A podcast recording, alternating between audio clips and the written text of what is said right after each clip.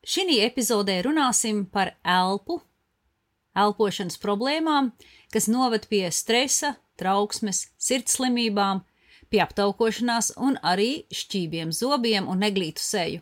Un, protams, runāsim arī par pareizu elpošanu, kas palīdzēs tikt galā ar bailēm, trauksmi, paniku, kā arī kas palīdzēs tikt vaļā no liekā svara, veidot skaistas sejas ar skaistiem zobiem, īpaši, ja pareizo elpošanu mācīsim no mazotnes saviem bērniem.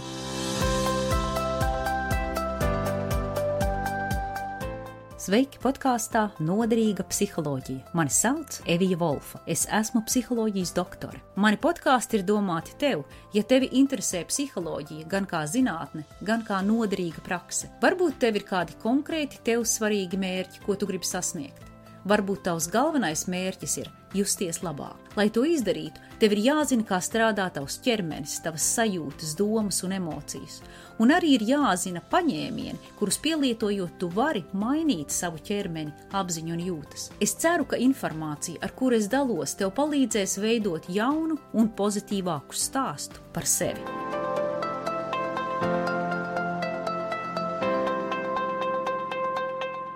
Pāris nedēļas atpakaļ es atgriezos no kolosāla daivinga ceļojuma. Es biju vairākas dienas uz laivas, un mēs daivojām Korteza jūrā. Tie ir ūdeņi, kas atrodas pie Meksikas. Ceļojums bija neaizmirstams, kā īsnībā visi mani daivošanas ceļojumi. Ņemies pa ūdeni, kur ir plus 32 grādi, peldi kopā ar milzu zivju grupām, dažreiz ilgi un dikti gaidi, vai izdosies ieraudzīt arī kādu haizivi, Un tā tu pavadi vairākas dienas. Ir forša kompānija, jo visi daivotāji ir domu biedri. Un īstenībā nav svarīgi, kas katrs ir, cik jauns vai vecs, kāds ir ieņemamais amats, vai pienākumi, vai panākumi. Ūdeņi visus apvieno vienā organismā. Un te nu varētu labi par to aizfilozofēties, bet šoreiz es īpaši domāju par elpošanu. Jo iepriekš, pirms es devos braucienā uz Meksiku, es jau biju sākusi plānot šo podkāstu, kas veltīts tieši elpai un elpošanai. Katru reizi, kad es ielienu ūdenī kā daivotājs, man uz muguras līdzi ir 12 litri balons ar skābekli.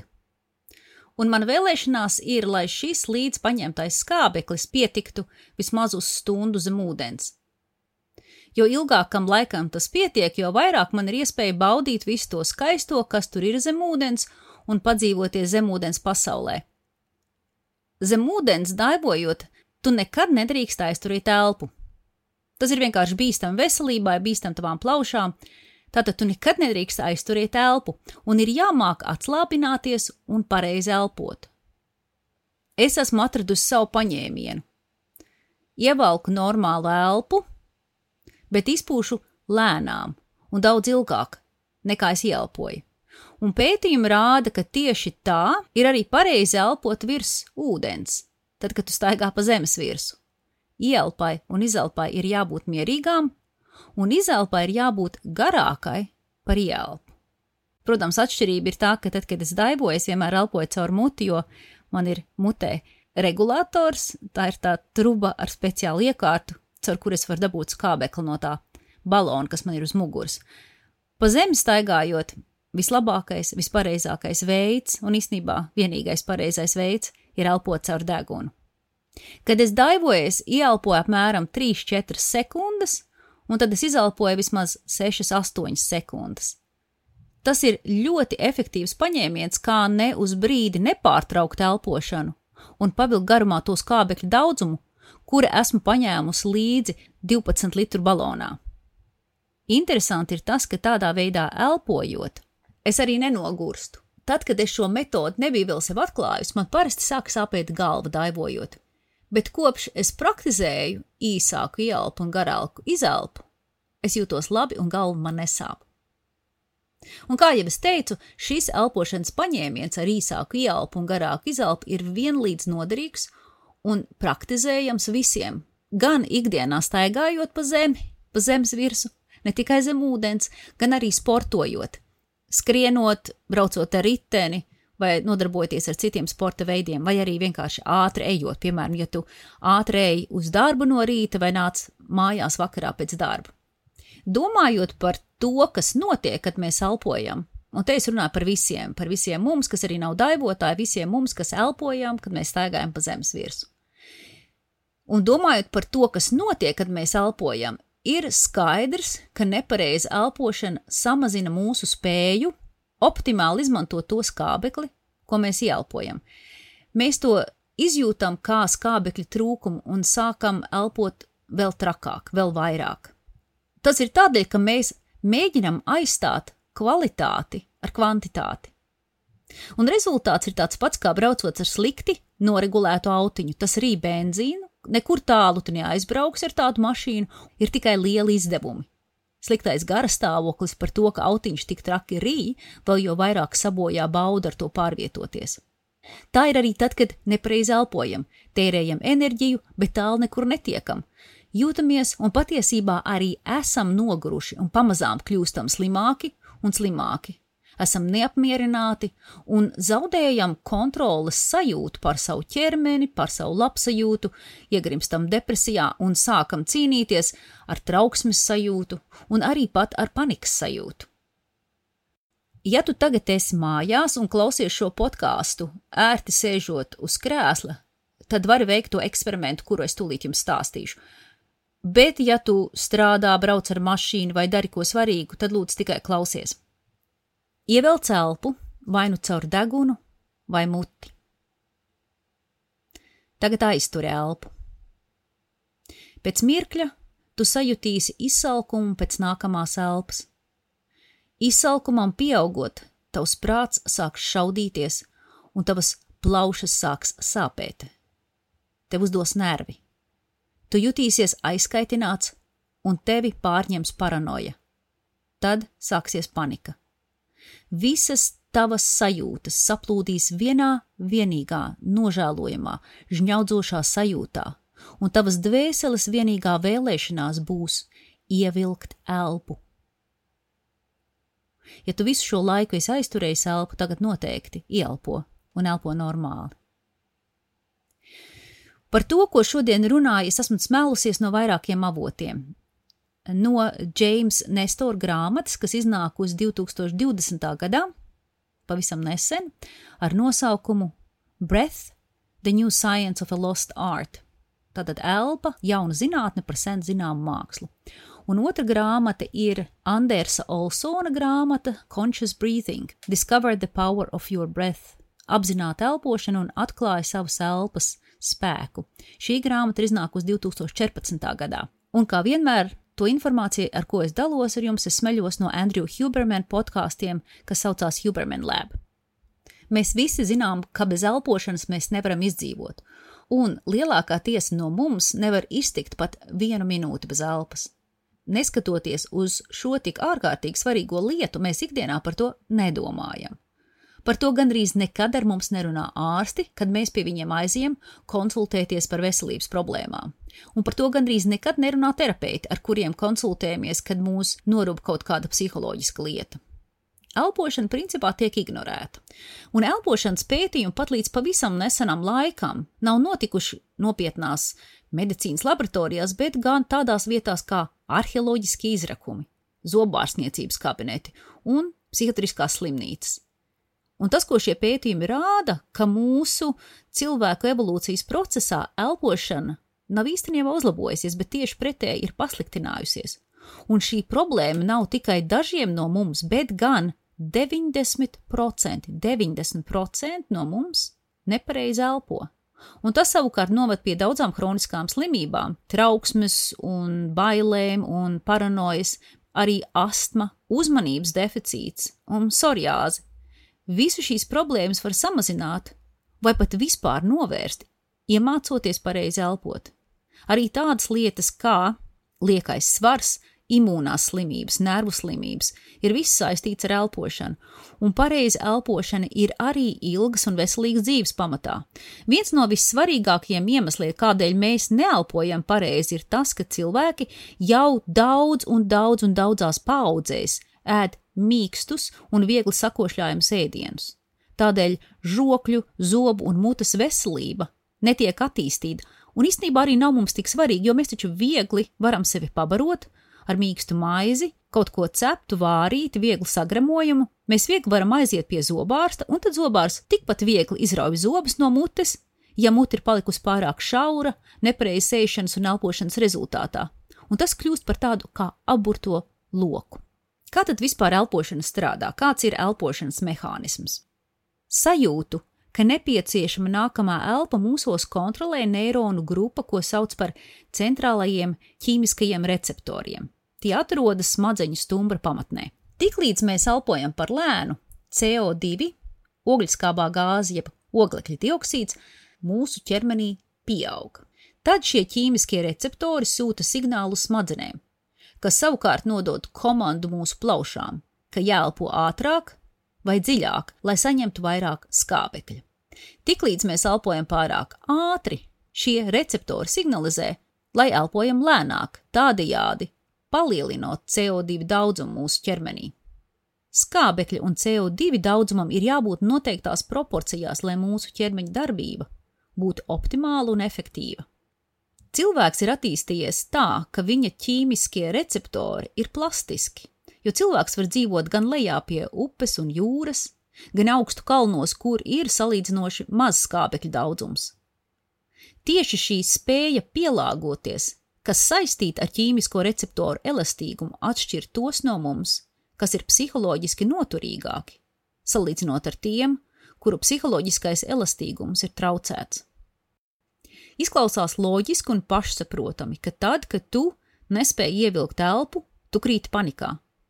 Bet tas iemesls, kādēļ ir tāda reakcija, iepriekš ir maldīgi skaidrots ar ārējiem apstākļiem un pārlieku lielu uzbudinājumu emocionālajā smadzeņu centrā, ko sauc par amigdalu. Un tāpēc arī terapijas paņēmieni ir bijuši attiecīgi neadekvāti. Paņēmieni, ar kādiem ir ārstētas hroniskas bailes un trauksmes sajūtas, ir bijuši nepareizi, jo bailes un trauksme nav tikai garīga ja psihiska problēma. Tos, kas cieš no šīm problēmām, nevar ārstēt tikai liekot šiem cilvēkiem domāt citādāk. Bailes un trauksme ir sajūtas, kuru cēloņi ir iekšēji, un tie ir sakņoti visprimitīvākajos smadzeņu centros. Tādēļ efektīvāks paņēmiens kā tikt galā ar fobijām, panikas lēkmēm un debilizējošām nemieru un trauksmes sajūtām, ir trenēt šos ķīmiskos receptorus tā, lai tie būtu elastīgāki, lai tie būtu gatavi uz dažādu CO2 daudzumu ķermenī. Tādēļ daudz efektīvāks paņēmiens, ar kuru palīdzēt tiem, kas cieš no trauksmes un bāļu sajūtām, ir mācīt šiem cilvēkiem aizturēt elpu, aizturēt elpu, es atkārtoju. Mācīt šiem cilvēkiem aizturēt elpu, tad, kad viņus pārņem bailes, trauksme vai panika. Un ne tikai tad, kad šīs grūti kontrolējamās sajūtas viņus pārņem, bet arī darīt to tā, lai tā būtu ikdienas prakse, lai tas būtu treniņš, kas palīdz tajos brīžos, kad pārņem šīs bailes, trauksmes, panikas sajūtas. Mācīties aizturēt elpu ir veselībai ļoti svarīga metode. Un tā nav svarīga tikai tiem, kas cieš no panikas un bailēm un no trauksmes. Tā ir svarīga mums visiem. Ir vairāk konkrēti paņēmieni, kā to darīt un kā to darīt droši. Par tiem es runāšu pēc mirkļa. Ir arī aplikācijas, kuras var izmantot, lai trenētos, un par to es runāšu nobeigumā. Kādēļ zināšanas par elpu un arī elpošanas paņēmieni ir veca māksla? Jau vairāk nekā 2000 gadus atpakaļ hinduistu garīgajos tekstos, ko sauc par Hagavad Gita, tika rakstīts, ka elpošanas māka un prakse, pranejāma, ir transa sajūta, ko rada aizturot elpu. Senajā Ķīnā tika uzrakstīti vairāk sējumi par to, kā var atjaunot veselību un kā var pagarināt dzīves ilgumu, izmantojot tādu mākslu kā elpas aizturēšana. Grāmatā par elpu, ko uzrakstīja Šung Šans, lielās nebūtības maģistrs, ir rakstīts: Katru dienu apgulies, nomierini savu prātu, apstādini domas un aizturi elpu, savelc dūres, ievelc elpu caur degunu, izpūt elpu caur muti. Lai elpa ir tik klusa, ka to nevar sadzirdēt, lai tā ir tik, tikko jūtama. Kad esi ielpojis dziļi, aizturi elpu. Aizturot elpu, tavas pēdas sāk svīst. Tad skaiti simts reizes, viens un divi, viens un divi, viens un divi. Pēc tādas garas elpas aizturēšanas izelpo. Tad nedaudz ielpo un atkal aiztur elpu. Ja sajūti karstumu, tad izelpo ar skaņu ho, ho. Ja sajūti augstumu, tad izelpo ar skaņu hi, hi. Ja tu iemācīsies tā elpot, tad tev nevajadzēs ne graudus, ne zāles. Amerikas indiāņiem, kā liecina smalki un detalizēti pētījumi par 50 dažādām ciltīm, bija raksturīgas perfektas un skaistas sejas, skaisti žokļi un zobi un augums ar platiem un skaistiem pleciem un spēcīgiem pleciem, tajā skaitā gan vīriešiem, gan sievietēm. Šiem indiāņiem zobi bija kā pērles, un viņi neciet no hroniskām slimībām. Šīs ciltīs tika praktizēta īpaša māksla, slepenā dzīves māksla, elpošana. Sākot ar 1830. gadiem, bijušais Amerikas jurists uzvārdā Katlins sāk apceļot indiāņu ciltis. Viņš zīmēja portretus un aprakstīja visu novēroto un to, ko viņš uzzināja sarunās ar šīm indiāņiem. Un indiāņi viņam stāstīja, ka viņi neelpo caur muti, jo elpošana caur muti atņem ķermenim spēku, rada sejas deformācijas, stresu un slimības. Bet elpojot caur degunu, ķermenis kļūst spēcīgs, seja skaista un ir spēks pretoties slimībām. Mātes šīs ciltīs vienmēr pēc barošanas ar krūti uzmanīgi aizspieda mazulim muti, lai tas elpotu caur degunu.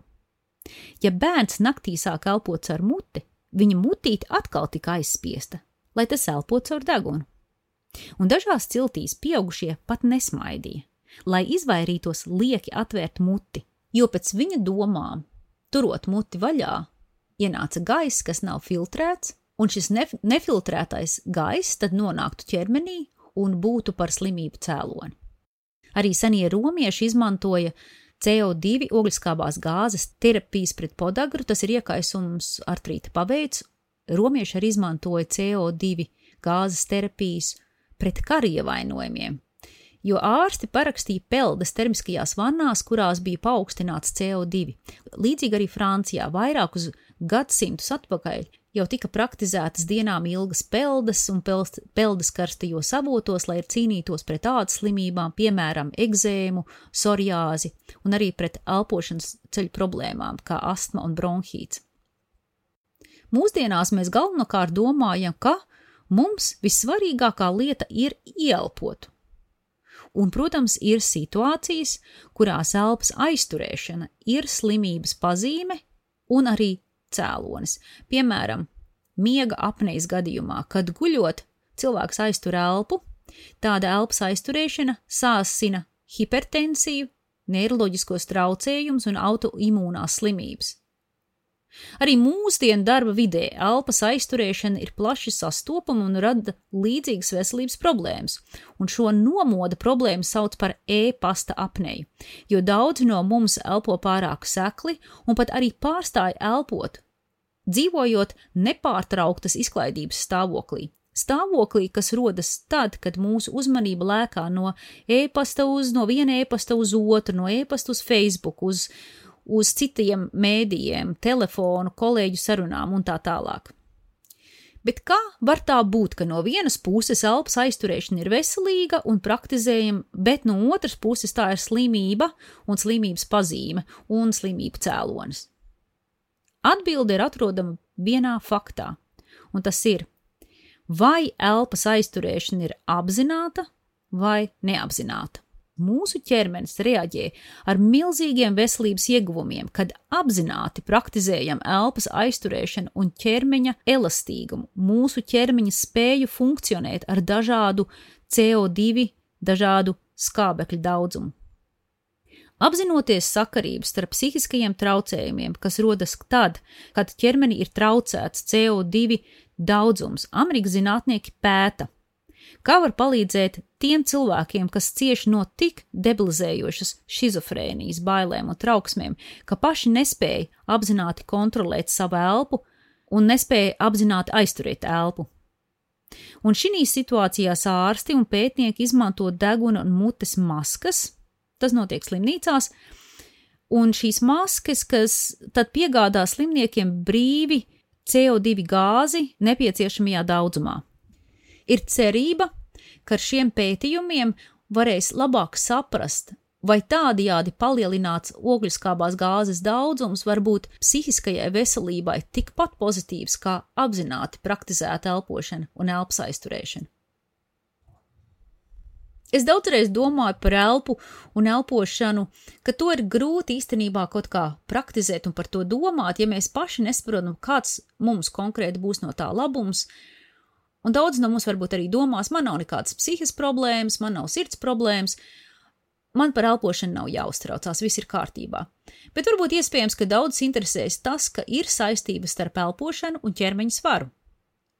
Nepareiza elpošana un liekais svars ir divas lietas, kas iet roku rokā. Lai saprastu, kā tas strādā, ņemšu talkā elpošanas mehānismu skaidrojumu un vienu analoģiju par kruīza kuģi. Katra elpa, ko mēs ievelkam, tai jāceļo vispirms lejā pa kaklu, pāri pa trahejas krustojumu, kas sadala elpu uz labo un kreiso plaušu. Tālāk tad elpa ieplūst mazākos vadiņos, ko sauc par bronhiolām, un visbeidzot nonāk kādos 500 miljonos maisiņos, ko sauc par alveolām. Un alveolas izskatās kā vīnogas ķekarā. Tā kā tas, kas notiek tālāk, ir sarežģīti, tad ņemšu tālāk šo analoģiju par kruīza kuģi. Šo analoģiju piedāvā Džeims Nestors savā grāmatā. Iedomājies, ka tu gribi doties kruīza ceļojumā, tu esi uzgaidāmajā telpā un redzi, ka piepeld kuģis.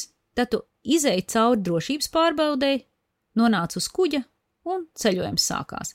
Tā skābekļa molekulas ceļo pēc tam, kad tās ir nonākušas alveolās. Katrai alveolai apkārt ir upe ar eritrocītiem, jeb sarkanajiem asins ķermenīšiem. Kad eritrocīti peld garām, skābeklis izspiežas cauri alveolu sieniņām un iekārtojās sarkanajos asins ķermenīšos. Kruīza kuģi ir daudz kajīšu. Asins sistēmā šīs kajītes ir olbaltumviela, ko sauc par hemoglobīnu. Hemoglobīns ir galvenais eritrocītu komponents, un skābeklis atrod savu sēdvietu iekš hemoglobīnu. Tu vari iedomāties kā krēslu, kurā iesēž skābeklis un tādā veidā ceļo dziļāk iekšā tavā ķermenī un visos audos. Kad asinis ceļo cauri ķermeņa audiem un muskuļiem, skābeklis izkāpj no hemoglobīna krēsla un kļūst par barību izslāpušajām šūnām. Savukārt, atbrīvotajā hemoglobīna sēdvietā iesēžas cits pasažieris CO2, kas ir atkrituma produkts, kuru asinsrite nogādās atpakaļ uz plaušām. Kad kruīza kuģis sasniegs savu galapunktu, tas būs izbraucis pa visu ķermeni un atgriezīsies atpakaļ plaušās, kur tas būs atvedis CO2, jeb šo atkritumu vielu, kas tad izkāps no kuģa caur alveolām uz augšu, caur kaklu un visbeidzot caur muti vai degunu, kur tas tiks izelpots. Visas mūsu ķermeņa veselās šūnas pārtiek no skābekļa, un tas ir tas ceļojums, ko skābeklis veids.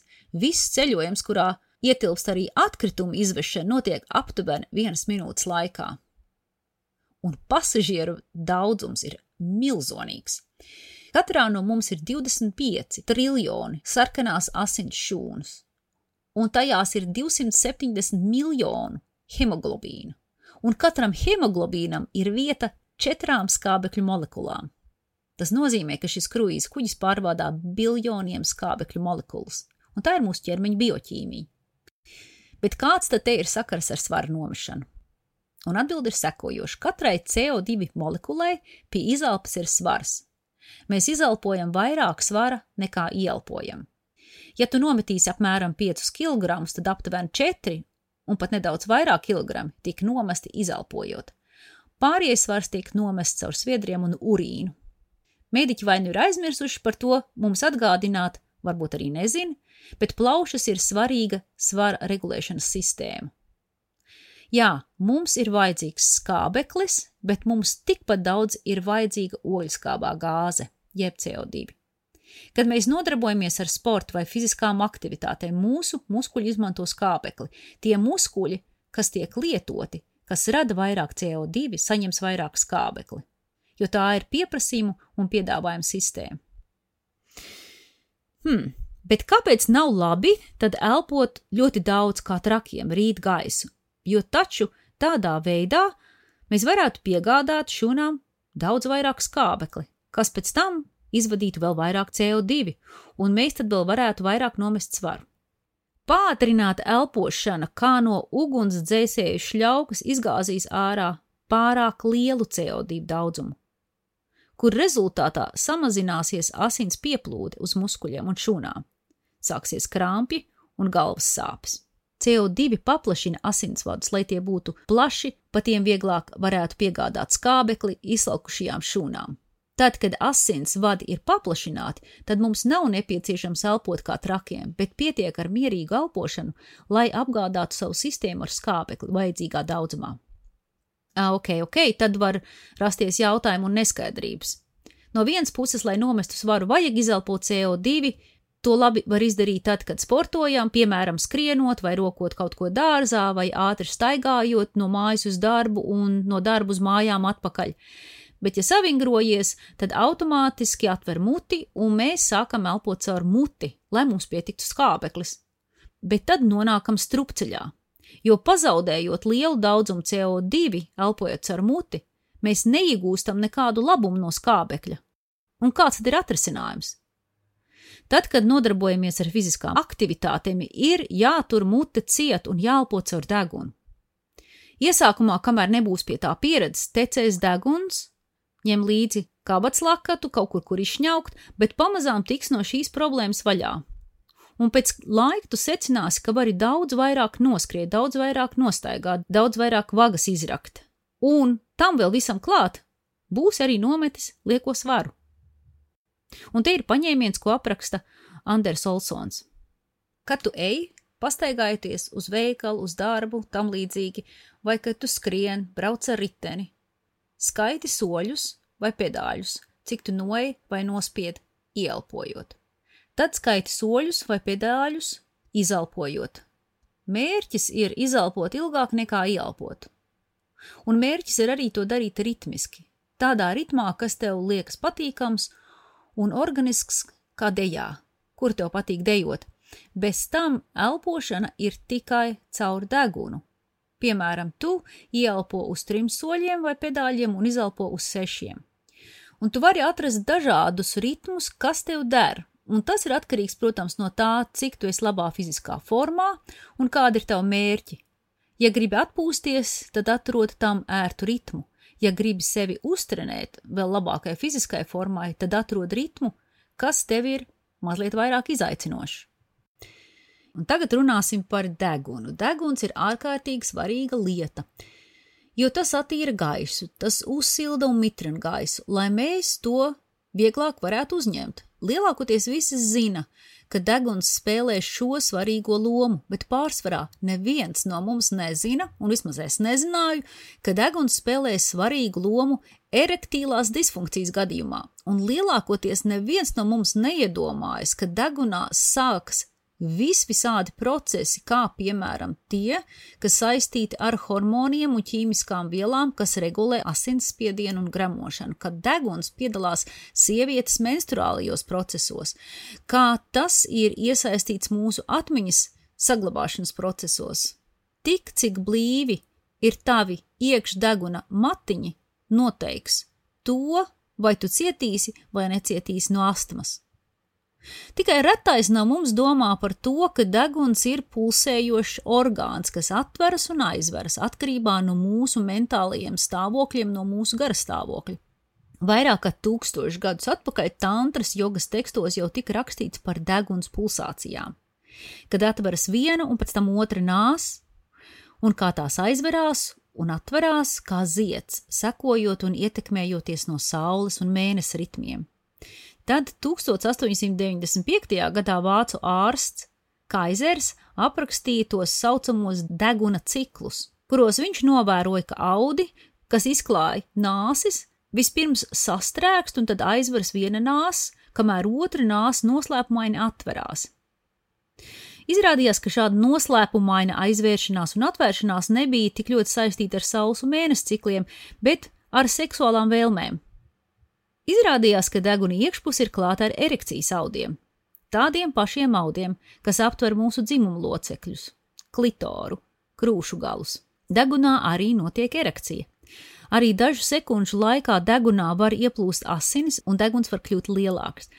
Tas notiek tāpēc, ka deguns ir cieši saistīts ar dzimumu orgāniem. Ir cilvēki, kam pietiek tikai ar domu par seksu, lai izraisītos smagas deguna erekcijas lēkmes, kas viņiem apgrūtina elpošanu, un parasti tad cilvēks sāk traki šķaudīt. Mm. Bet varbūt nevajag domāt nākamreiz, kad tu redz kādu cilvēku, kas tramvajā traki šķauda, nevajag domāt, ka cilvēkam ir erekcijas lēkmes, varbūt viņam ir alerģija pret tavu dezodorantu. Tas tā jokam. Pētnieki ir apstiprinājuši, ka deguna iekšējie audi ir ķermeņa veselības spogulis. Kad esam slimi, deguns iekaist, un infekcijas gadījumos cikliski mainīga elpošana ar vienu un tad ar otru nāsi, kas ir normāla, nenotiek. Un mēs varam domāt tā par mūsu divām nāsīm. Mūsu labā nāsa ir kā gāzes pedālis. Kad mēs ieelpojam galvenokārt ar labo nāsi, cirkulācija mūsu ķermenī pieaug, ķermeņa temperatūra pieaug, palielinās kortizola daudzums, palielinās asinsspiediens un sirds darbības ātrums. Kad mēs ieelpojam caur labo nāsi, tiek aktivizēta simpatiskā nervu sistēma, un mēs esam nomodā un gatavi kustēties. Tātad mūsu labā nāsa ir kā gāzes pedālis.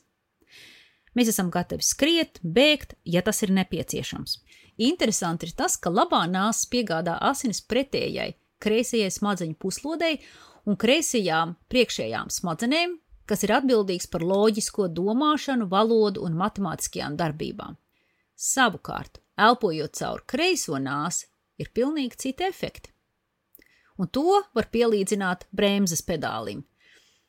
Elpojot caur kreiso nāsi, šī nāsa iedarbina parasimpatisko nervu sistēmu, relaksāciju, samazinās asinsspiediens, samazinās trauksmes sajūtu. Kreisā nāsa piegādā vairāk asinis labajai smadzeņu puslodei un labajām priekšējām smadzenēm. Tas palielina radošos procesus, abstrakto domāšanu un arī negatīvas emocijas. Šizofrēnijas gadījumā var būt palielināta elpošana tieši caur kreiso nāsi, un tas veicina halucinācijas. Un regulējot elpošanu caur abām nāsīm, var samazināt halucināciju daudzumu. Mūsu ķermenis, protams, vislabāk strādā tad, kad mēs esam līdzsvarā, kad mēs vienlīdzīgi veltām laiku racionālajām domām, praktiskajām rīcībām un, prak un arī abstraktajām idejām un relaksācijai. Un šādu līdzsvarotu elpošanu mēs varam apzināti praktizēt. Tie no jums, kas nodarbojās ar jogu, noteikti pazīst un ir mēģinājuši vai arī aktīvi praktizē elpošanas metodi, ko sauc par Nadi Šothana. Kas ir Nadi Šothana? Tā ir elpošana, mainot nāsi, caur kuru tu ielpo un pēc tam izelpo. Un kā to praktizē? Pieci soļi. Te būs pieci soļi. Pirmais. Ar labās rokas īkšķi viegli aizspied labo nāsi un ievelc elpu caur kreiso nāsi.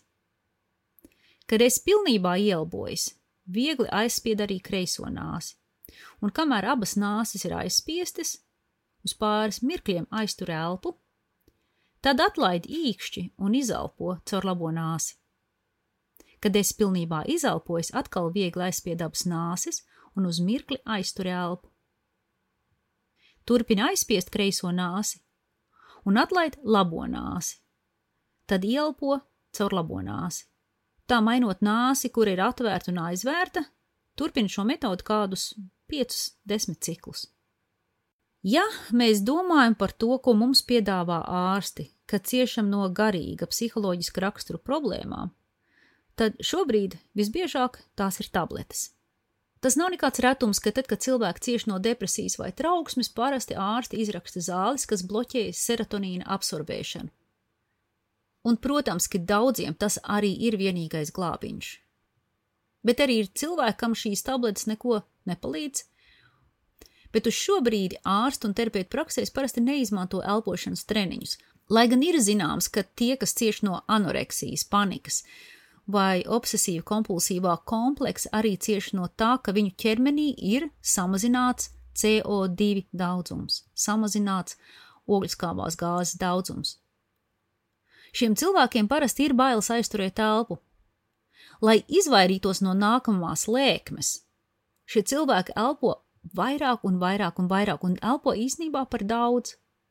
Tādēļ viņiem rodas hipersensitivitāte pret ogļskābo gāzi, un viņus pārņem panika tiklīdz viņi šo gāzi sajūt. Šie cilvēki cieš no trauksmes tādēļ, ka viņi pārelpojas, un viņi pārelpojas tādēļ, ka viņi cieš no trauksmes, un tas ir pilnīgs aburtais lokus.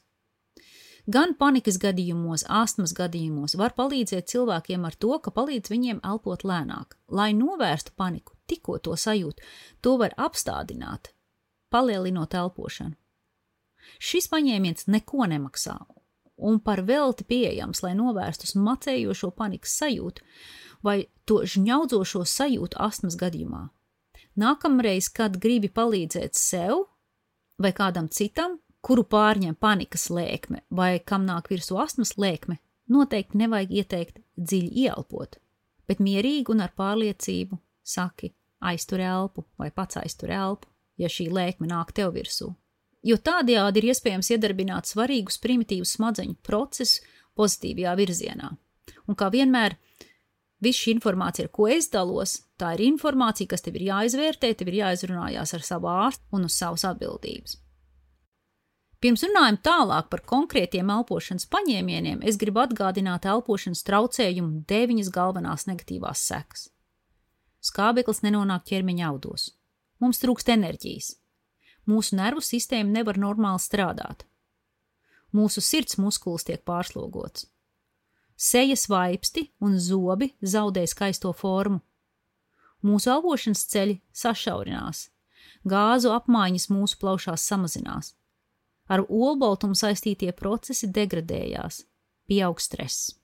Kādi tad ir pieci svarīgākie elpošanas principi? Pirmkārt, elpo caur degunu. Gan ielpai, gan izelpai ir jānotiek caur degunu. Otrs princips - elpo ar diafragmu, ar vēderu. Trešais - elpo lēni un atbrīvoti. Ceturtais - elpo ritmiski. Piektais - elpo klusām un samazini elpas tilpumu. Un tagad par šiem pieciem principiem un arī par paņēmieniem, kas uz katru attiecās.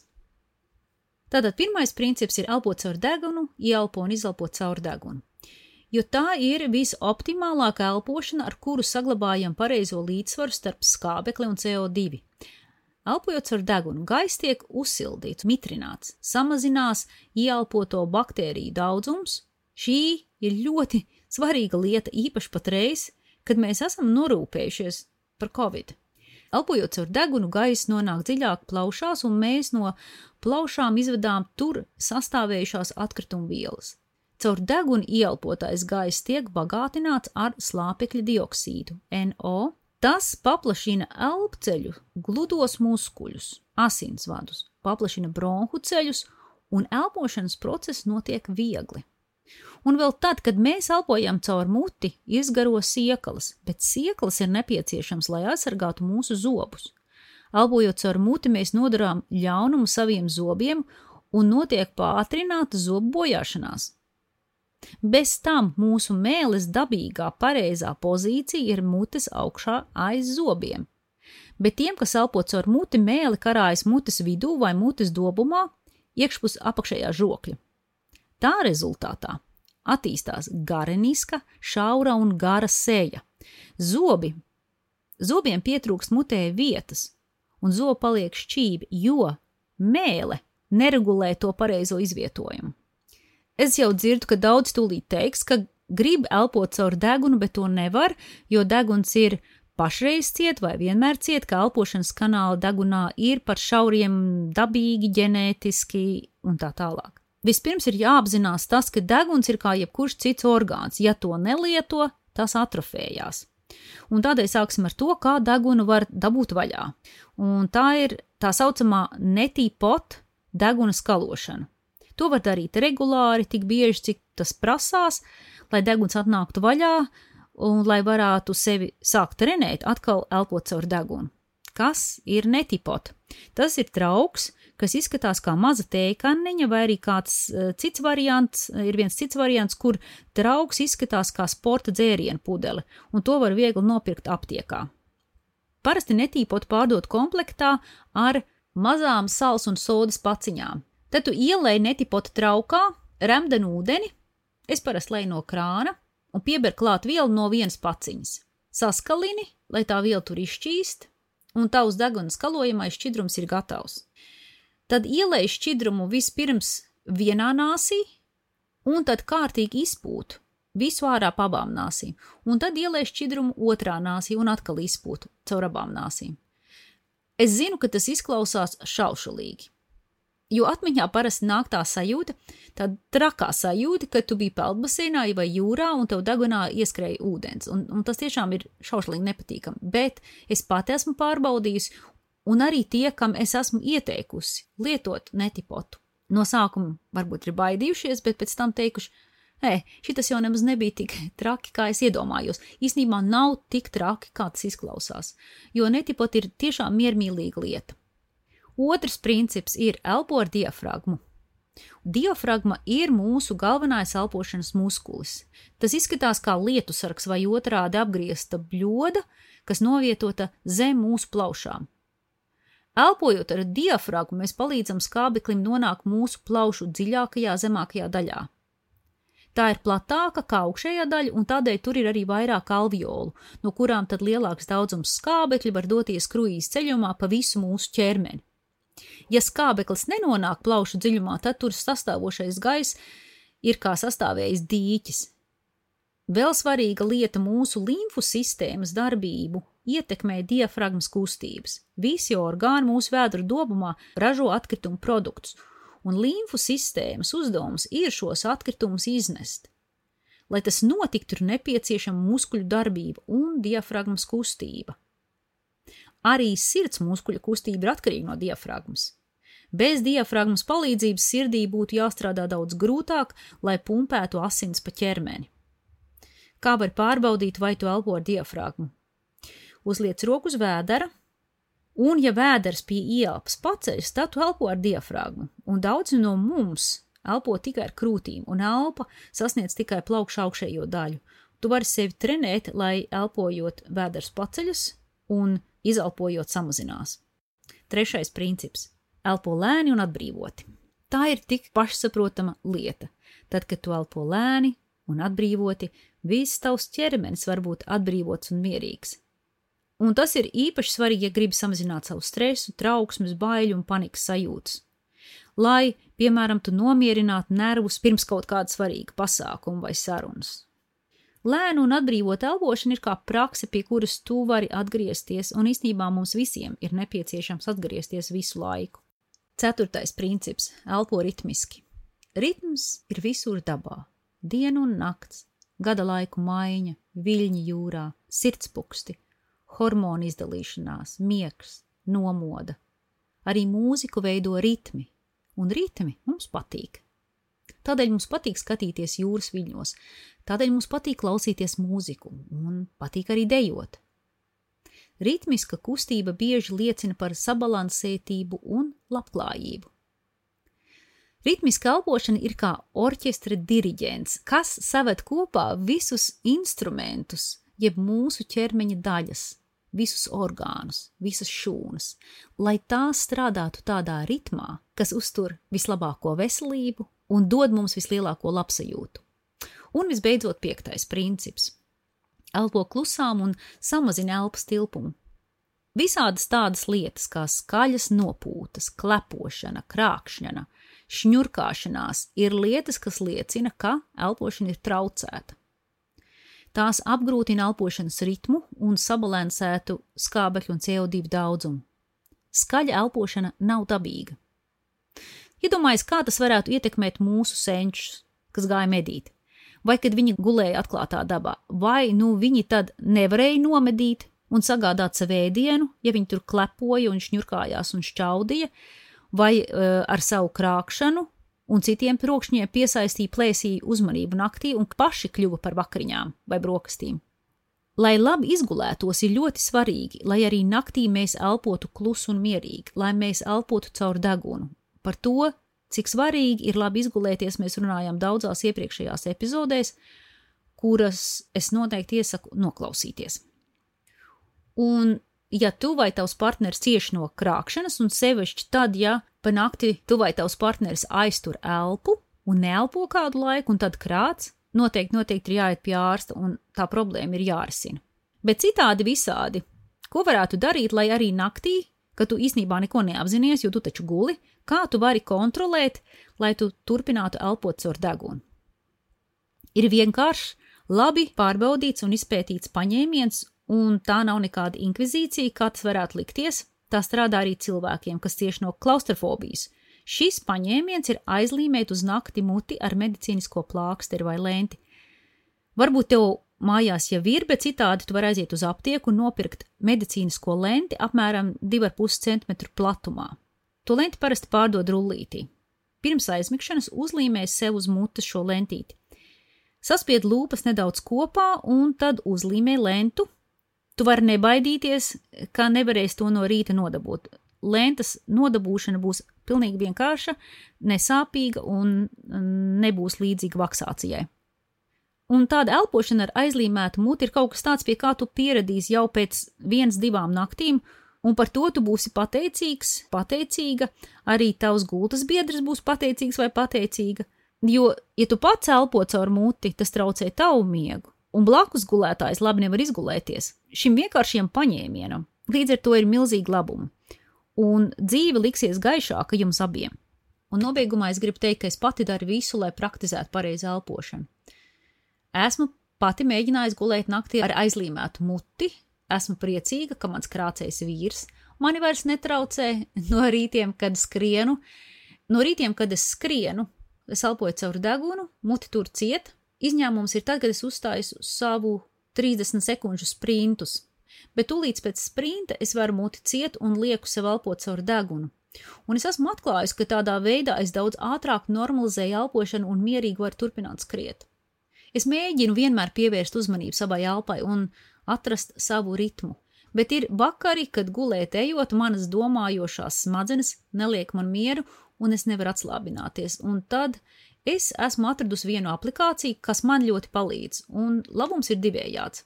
Es trenēju savu ķermeņa ķīmiskos receptorus, lai tie būtu elastīgāki, lai es labāk tiktu galā ar dažādiem emocionāliem izaicinājumiem. Tāpat kā mēs sevi varam trenēt, dzīvot lejā pie upes vai augšā kalnā.